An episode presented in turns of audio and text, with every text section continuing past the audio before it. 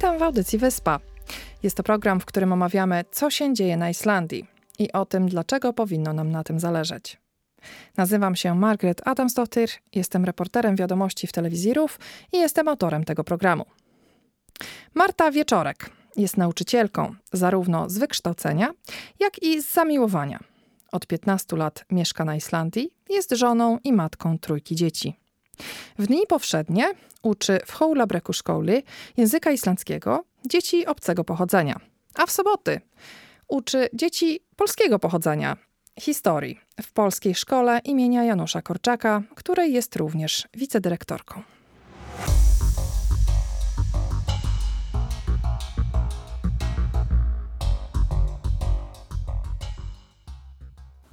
Witam cię serdecznie w audycji Wyspa. Witam również. Chciałam zapytać, jak rozpoczął się rok szkolny w polskiej szkole i co słychać? Rok szkolny, już 16, rozpoczął się bardzo hucznie, bo dawno nie było nas tak wiele. Mamy 282 uczniów i tak naprawdę codziennie dopisują się nowi. I rozpoczęliśmy jak zwykle powitaniem na auli. Zaśpiewaliśmy wspólnie piosenkę na, na pożegnanie wakacji, a potem uczniowie rozeszli się do sal, gdzie już odbyły się pierwsze zajęcia.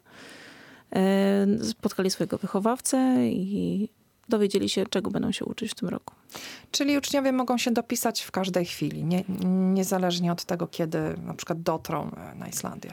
Tak, zapisy oficjalnie są zamykane w wakacje, żebyśmy mogli stworzyć jakąś ramę planu lekcji. Natomiast e, mnóstwo zapominalskich osób dopisuje się we wrześniu. Niektórzy są przekonani, że skoro nie wypisali dziecka, to znaczy, że jest zapisane dalej i musimy uświadomić, że to nie do końca tak jest, ponieważ nasza szkoła jest dodatkowa. Mhm. Więc e, no, tak jak na wszystkie zajęcia dodatkowe obowiązują ponowne zapisy co roku dojeżdżają właśnie na Islandię e, dzieci w ciągu całego roku i nasze drzwi są zawsze dla nich otwarte i takie zapisy nieoficjalne prowadzimy cały rok. Czyli nie odsyłacie nikogo z kwitkiem? Nie.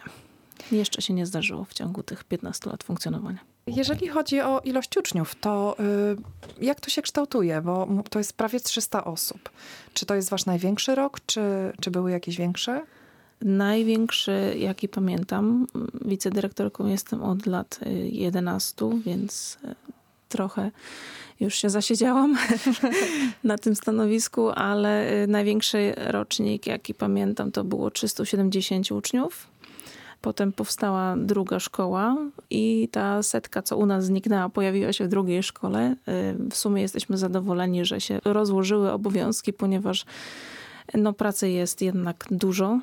E, przy takiej liczbie uczniów, jak opowiadam jakimś islandzkim znajomym, nauczycielom czy niezwiązanym z, ze szkołą osobom, to aż nie mogą uwierzyć, że aż tyle polskich dzieci e, w Reykjaviku uczy się w soboty dodatkowo. Także bardzo się cieszymy, że oprócz nas jeszcze ktoś e, polskim dzieciom pomaga uczyć się polskiego, ten związek z ojczyzną kształtować. Dużo dzieci właśnie, które były z Keplawiku, przyniosły się do szkoły y, tam, bo tam otworzono też filię co w zupełności rozumiemy. I tak, bardzo zrozumiałe. Tak, także taki największy rok mamy od czasu jakby mm, podziału, tak? Wcześniej było około 240 dzieci, teraz mamy 280 uczniów. Dobrze, a ile to jest klas? Praktycznie cały czas je dzielimy jeszcze właśnie przez to, że się dzieci dopisują. A tak mniej więcej ilu uczniów jest w klasie? Ile chcecie mieć uczniów? Staramy się, żeby nie było więcej niż 15. Nie zawsze jest to możliwe. Do 17 to już jest taki maks, e, żeby się i uczniom, i e, nauczycielom pracowało dobrze. Wiadomo, że te dzieci mają inne potrzeby niż e, uczniowie w Polsce w ciągu tygodnia.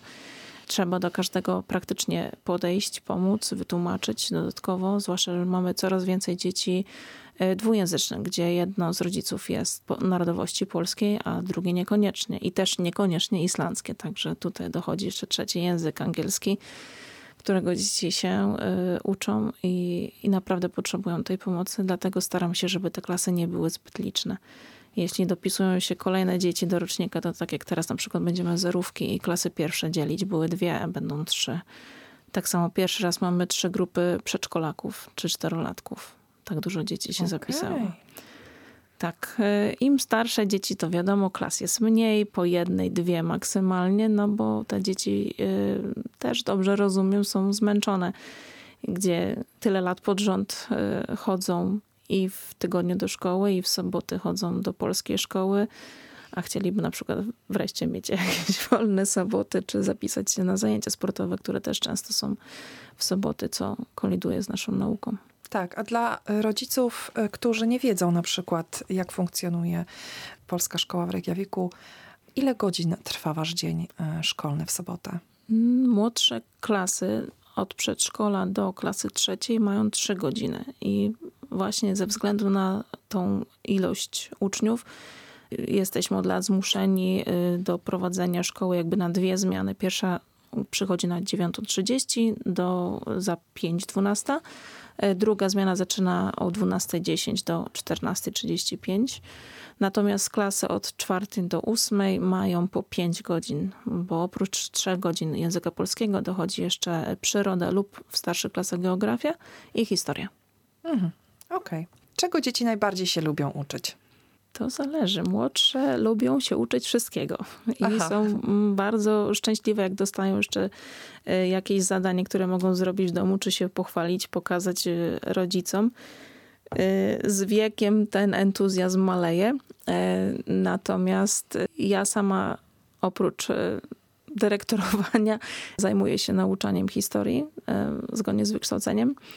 Spotykały mnie takie miłe słowa na koniec roku, kiedy uczniowie przychodzili i jeny, dzięki pani polubiłem historię, ale fajnie. O, to bardzo miłe, naprawdę. Także bardzo nas cieszy, że właśnie uczniowie z zainteresowaniem e, i na geografii, i na historii poznają e, Polskę, której niekoniecznie dużo zobaczyli, będąc w Polsce, gdzie się tak naprawdę leci do rodziny i nie ma czasu na zwiedzanie. No nie zawsze, nie zawsze.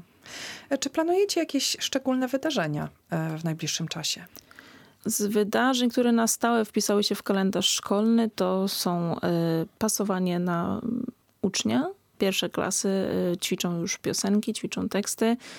Przeważnie staramy się to powiązać z Dniem Patrona, wtedy kiedy nadawaliśmy naszej szkole imię Janusza Korczaka. Wtedy też pasowanie na uczniów się odbywa. Ten dzień też mamy tak jakby trochę korczakowski dzień. E, staram się przybliżyć uczniom tę postać nie tylko jako autora książek, ale również właśnie wielkiego propagatora praw dziecka. Tak? To, co też na Islandii jest bardzo często podkreślane, także e, wpisuje się to bardzo w tutejszą e, ideologię. I kiedy jest ten dzień? Akurat w tym roku wypada w Dzień Edukacji Narodowej, mhm. a przynajmniej w ten weekend, czyli 14 października nasi pierwszoklasiści zostaną oficjalnie pasowani na uczniów i, i otrzymają dyplomy i różne niespodzianki. Oprócz pasowania y, na ucznia, jeszcze co roku staramy się dzieciom mm, przybliżyć zagadnienie niepodległości z okazji y, święta niepodległości. W okolicach świąt y, są Mikołajki, dzieci dostają prezenty dzięki uprzejmości sponsorów, e, zwłaszcza e, minimarketu, który od lat, właściwie od początku funkcjonowania szkoły nas bardzo wspiera. Ambasada obdarowuje nas książkami. W związku z, ze świętami również staramy się organizować spotkania kolędowe. Mhm. A jakaś zabawa choinkowa? To już chyba dzieci no, mają w swoich szkołach. Zabawę karnawałową mamy. Aha. Tak, mamy zabawę karnawałową na koniec y, lutego mniej więcej. Przed Środą Popielcową się staramy zdążyć. Y, I wtedy młodsze klasy mają zabawy w salach, jest Dzień Przebierańców, także po naszej szkole krążą różne dziwne istoty. Mhm. A starsze klasy biorą udział w turniejach i takich luźniejszych y, lekcjach. A czy nauczyciele też się przebierają? E, tak, zdecydowanie. to dobrze, to dobrze. Fajnie. Jeżeli chodzi o bibliotekę, przeniosła się na Breithold, czyli teraz wszyscy mają bliżej do biblioteki. Czy już wszyscy wiedzą o tej zmianie i jak wam się układa współpraca? E, biblioteka e, na pewno jest teraz bardziej osiągalna ponieważ większość, a przynajmniej duża część Polaków mieszka na Breitholcie. No właśnie, bo ona teraz znajduje się w Domu Kultury Gerduberg, Gerduberg. Tak, e, na parterze. To jest dokładnie Fjellskild Midstad, Mhm. czyli e, Centrum rodzinne. Centrum rodzinne, tak. I tam uzyskaliśmy miejsce, w sensie dostaliśmy ściany, do których... przy- Ściany. Dostaliśmy Czyli ściany, nie, do których... niekoniecznie cały pokój, tylko ściany. Yy, tak, tam, w tym pokoju odbywają się normalnie zebrania w ciągu tygodnia, różne spotkania. Yy, my tam dostaliśmy ściany, do których yy, przytwierdziliśmy nasze półki przewiezione z szóstego piętra z, z Foru. No i działamy. Dużo czasu i pracy yy, dziewczyny pracujące w bibliotece włożyły w to, żeby to przenieść, na nowo skatalogować, poukładać. Także chwała im za to i naprawdę teraz jest to bardziej dostępne. Kontaktowałam się właśnie e, z Mariolą, która pracuje w bibliotece i powiedziała, że jest e, więcej interesantów, którzy odwiedzają bibliotekę. Oprócz stałych klientów, którzy przyjeżdżali tam, pojawiło się dużo nowych osób, zwłaszcza dzieci, co nas bardzo cieszy. Także polepszyło się. A w jakich godzinach jest otwarta biblioteka? I gdzie możemy to znaleźć? na Facebooku strony Biblioteki Szkoły Polskiej oraz na naszej stronie internetowej. Czy biblioteka jest otwarta codziennie? Jest otwarta w środy, e, raz w tygodniu, natomiast y, były takie pomysły, żeby y, mieć jeszcze dodatkowe dni. Natomiast na razie y, jesteśmy w trakcie rozmów z tym centrum. Jest to środa po południu, mam Jest to rozumieć. środa po południu, tak, do 18.30 jest biblioteka otwarta. Także y, osoby, które pracują do 16 na pewno zdążą wtedy podjechać, wypożyczyć książki.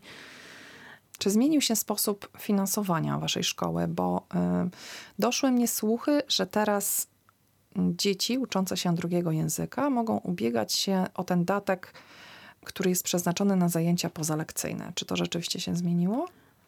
Z, z karty Freestone Accord y, nasze dzieci mogły korzystać już od lat. Aha, Natomiast y, niestety nie wszystkie gminy się na to zgodziły. Na przykład od lat y, walczymy z Kapnafjordur, y, które twierdzi, że to jest tylko i wyłącznie na sporty. Teraz już jeszcze nieoficjalnie, ale wiemy, że już są prowadzone rozmowy, żeby właśnie taki zastrzyk y, gotówki też przeznaczyć na zajęcia językowe, y, zwłaszcza, że w y, islandzkim prawie jest zapisane, że dzieci, które mają inny język y, ojczysty niż islandzki, mają prawo do tej nauki, więc tak naprawdę my wypełniamy te wymogi prawa. Reykjavik już się zorientował, że y, robimy za nich dobrą robotę i sami wyszli z propozycją, że y, w tym roku po raz pierwszy y, opłacą czesne za uczniów, żeby właśnie dzieci nie musiały korzystać z Freestone Styrku, który według nich lepiej by było, żeby był przeznaczony na zajęcia sportowe, żeby tego dzieciom nie ograniczać, bo dla nich to jest czyli bardzo ważne. dodatkowo opłacili im tą naukę języka. Dodatkowo ma być opłacone, jeszcze jesteśmy przed podpisaniem umowy. Mhm. Ale taki, taki jest pomysł, ich inicjatywa. Jesteśmy im za to wdzięczni i mamy nadzieję, że inne gminy pójdą ich śladem. No już wiemy o jednej, która na tym pracuje. Czekamy na tą umowę, żeby z tą umową iść do innych gmin i pokazać, no to, to wspaniała weźcie, dobry, weźcie dobry przykład, tak. Tak, bardzo dobra wiadomość. Słuchaj, jeżeli chodzi o ciebie, jesteś nauczycielką, także e, w ciągu pozostałych dni tygodnia. Jak udaje ci się godzić te obowiązki? Nauczyciele i dyrekcja i zarząd Szkoły Polskiej w Reykjaviku y, pracują wieczorami, y, w nocy i w weekendy. Właśnie, jest Niestety jednak tak duże to wygląda. z, waszej strony. Tak, niestety tak to Bo wygląda. wszyscy pracujecie gdzieś indziej, tak? Wy Tak. Wszyscy po prostu, y, cała kadra nauczycielska. Tak, to jest szkoła w dodatkowo miejscach. otwarta w soboty, natomiast cała praca związana z przygotowaniem, ze sprawdzaniem jakichś zeszytów czy prac, które uczniowie nadsyłają, to jest wszystko y, w ramach wolontariatu w tygodniu lub w weekendy. Najczęściej, kiedy własne, prywatne dzieci już pójdą spać i Ojej. można się tym zająć, y, no bo też weekend chciałby się spędzić z własnymi dziećmi, a nie tylko z cudzymi. tak. Także y, taka praca to jest y, zdecydowanie wykonywana dosyć Społecznie. Późno. Tak. Czy macie problemy z obsadzeniem tych stanowisk nauczycieli? Y, na szczęście nie. Bywały lata, że faktycznie był duży ruch, ludzie wyjeżdżali, y, przyjeżdżali, jednak się okazywało, że sobie tutaj nie dają rady, wyjechali i, i pojawiały się wakaty nawet w ciągu roku szkolnego. Natomiast y, od paru lat praktycznie nie ma wakacji, w których ktoś by nas nie pytał, czy nie potrzebujemy nauczycieli. Także jesteśmy, jesteśmy bardzo zadowoleni z tego, że, że nasza szkoła ma pełną kadrę tak naprawdę i nawet wiele osób jest y, na zastępstwa. Także udało nam się też jakąś y, wypracować renomę, myślę, bo, bo właśnie zgłaszają się do nas ludzie. Niektórzy byli już tu kilka lat, musieli najpierw ogarnąć swoje sprawy i dopiero pomyśleli, dobrze, to teraz mogę coś porobić dla innych. Coś dać z siebie. Tak, tak y, i dołączają do nas również.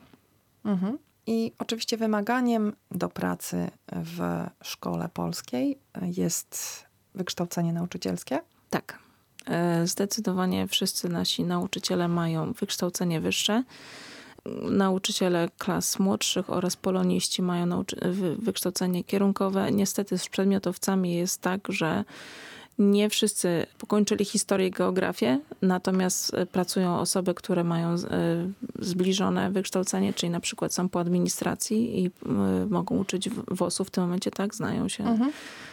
na tej sprawie, czy są po ochronie środowiska, więc uczą geografii. Także staramy się, żeby to była, była kadra naprawdę przygotowana do swoich zajęć.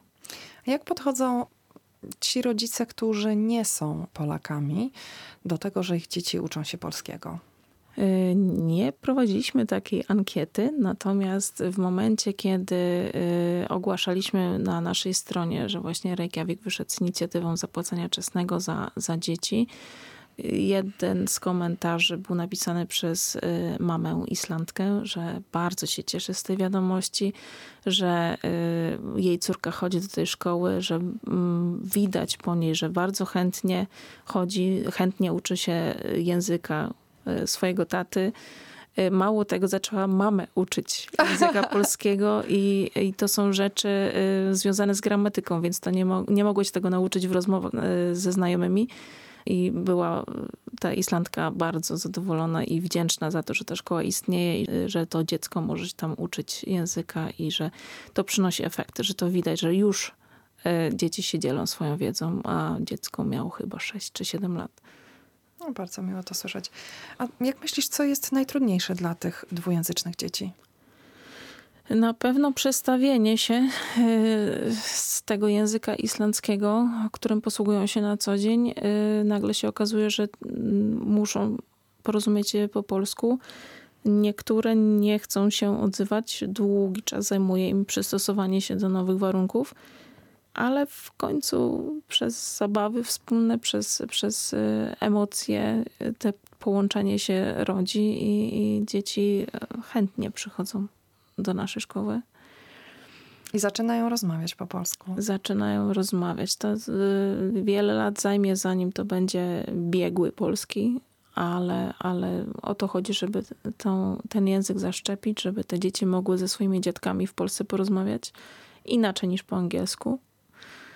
Tak. W przyszłości, tak. No nie wszyscy dziadkowie mówią po angielsku, e, prawda? E, tak. Dokładnie. Chyba, że są z innego kraju. Mhm. Um, a jeżeli chodzi właśnie o tą y, naukę języka macierzystego, bo to jest bardzo ważna rzecz i o tym się teraz też dużo mówi. Islandczycy walczą o ten swój język, prawda, mhm. żeby jego zachować i żeby, żeby dzieci się go uczyły, bo wiadomo, jest y, no, dostęp do, do materiałów, powiedzmy, audio-wideo po angielsku jest tak duży.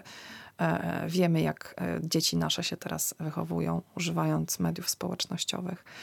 Jak ty widzisz tą sprawę, e, jeżeli chodzi o to, jak ważny jest język macierzysty dla tych dzieci, które nie żyją w tym państwie, e, w, w naszym przypadku w Polsce? To zależy od wieku. E, myślę, że młodsze dzieci nie do końca sobie zdają sprawy z takiego celu tej nauki. Dla nich po prostu jest fajnie, mogę coś nowego poznać, coś ciekawego porobić w sobotę. Starsze dzieci widzą, że to ma jakiś, y, jakiś cel. Mm, po pierwsze, mogą właśnie się porozumieć z rodziną mieszkającą w Polsce. Dostajemy informacje od y, starszych uczniów, że zabłysnęli czymś w szkole islandzkiej, bo y, coś tam wiedzieli z, z wiedzy o społeczeństwie. Jak pani spytała, ojej, a ty skąd takie rzeczy wiesz? A w polskiej szkole się nauczyłem no to, to dostajemy również informację zwrotną od islandzkich nauczycieli, że widać, że dzieci chodzą do polskiej szkoły, bo y, i łatwiej im y, przyswajać sobie gramatykę islandzkiego języka, jak mają podstawę z gramatyki w języku ojczystym, którą rozumieją lepiej. I właśnie mają dodatkowe informacje, których no, nie zawsze są w stanie nauczyć się z mediów społecznościowych, czy z, czy z książek w szkole islandzkiej.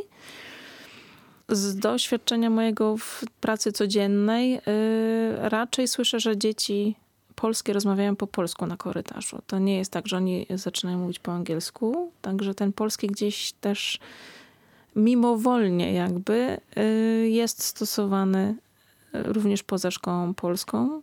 I no oczywiście też chodzi o to, żeby dzieci, które pojadą na wakacje do dziadków, mogły rozmawiać z dziadkami, żeby miały jakąś tam drogę otwartą na przyszłość, tak? Jeżeli przyjdzie im do głowy studiowanie w Polsce, czy uczenie się w Polsce, czy założenie firmy w Polsce, żeby mogły sobie sobie poradzić.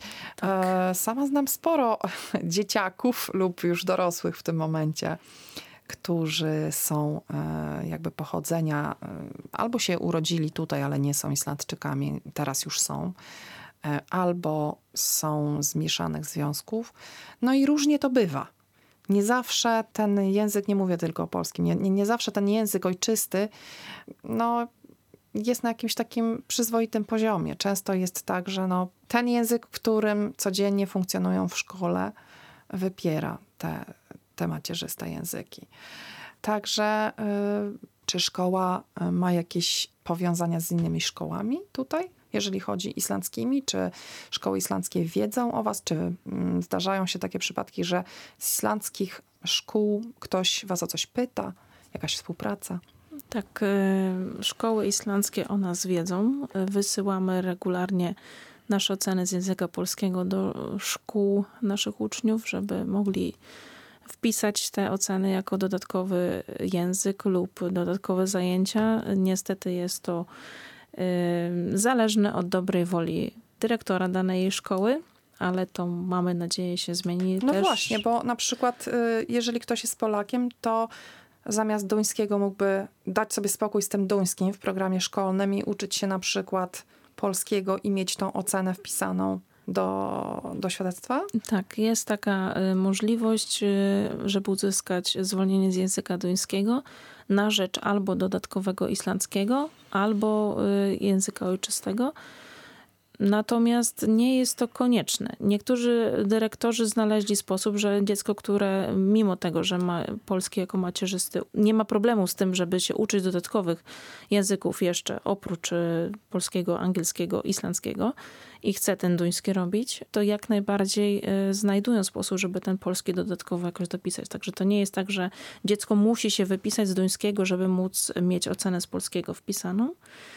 To też zależy na ile już jest zdecydowane, co będzie robić w przyszłości. Mhm. Jeśli na przykład y, miałby chęć y, studiować poza Islandią, i, y, ale niekoniecznie w Polsce, no to taki duński mu otwiera też uniwersytety w Danii, tak? Czy niekoniecznie trzeba rezygnować z tego duńskiego? Nie, niekoniecznie. Natomiast ocena z języka polskiego może być wpisana, jeśli pan dyrektor lub pani dyrektor są przychylni. Oprócz tego właśnie y, kontaktują się z nami y, wychowawcy poszczególnych uczniów. Zdarzało się, że chcieli się dowiedzieć, jak dziecko sobie radzi, bo na przykład ma problemy w szkole islandzkiej, czy to jest związane tylko z językiem, czy, czy my mamy podobne odczucia, żeby właśnie mieć pełen obraz y, tego dziecka.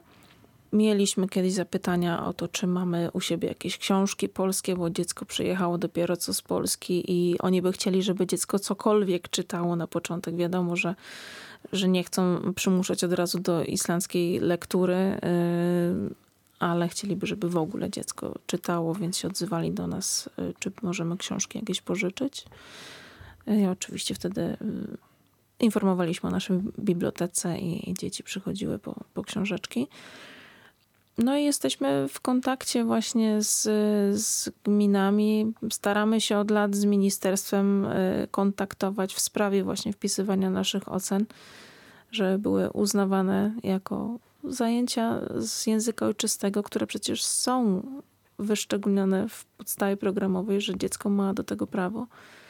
Tylko jakoś y, nie udaje nam się wyegzekwować tego we wszystkich szkołach, żeby to było właśnie uznane. Nasza mhm. szkoła. No Mimo, tak. że wszyscy nasi nauczyciele mają nostryfikowane dyplomy i mają islandzkie papiery, tak, y, Kenara Briefu. Dobrze, w takim razie y, następnym dużym wydarzeniem jest pasowanie pierwszoklasistów na uczniów. Mhm. I ilu mamy mniej więcej pierwszoklasistów w tym roku? Pierwszoklasistów mamy 37. Mhm. Dobrze, więc zakończymy może nasz odcinek mm, życzeniami powodzenia dla tych młodych ludzi, ich rodziców yy, i gratulacjami, że zaczynają swoją naukę w polskiej szkole. Zdecydowanie. Dziękuję Ci bardzo za rozmowę. Dziękuję również. Hjaltalin to indie rockowy zespół, który powstał w roku 2004 i od tamtej pory wydał cztery płyty. Często pojawia się on na koncertach i jest również popularny w innych krajach nordyckich. Dzisiejszy końcowy utwór to ich delikatna i tęskna ballada Baroness, która wyszła w 2019 roku. Wiadomości z Islandii po polsku można znaleźć na stronie www.ruf.is ukośnik polski. Dziękuję serdecznie za uwagę i zapraszam na kolejny odcinek w poniedziałek.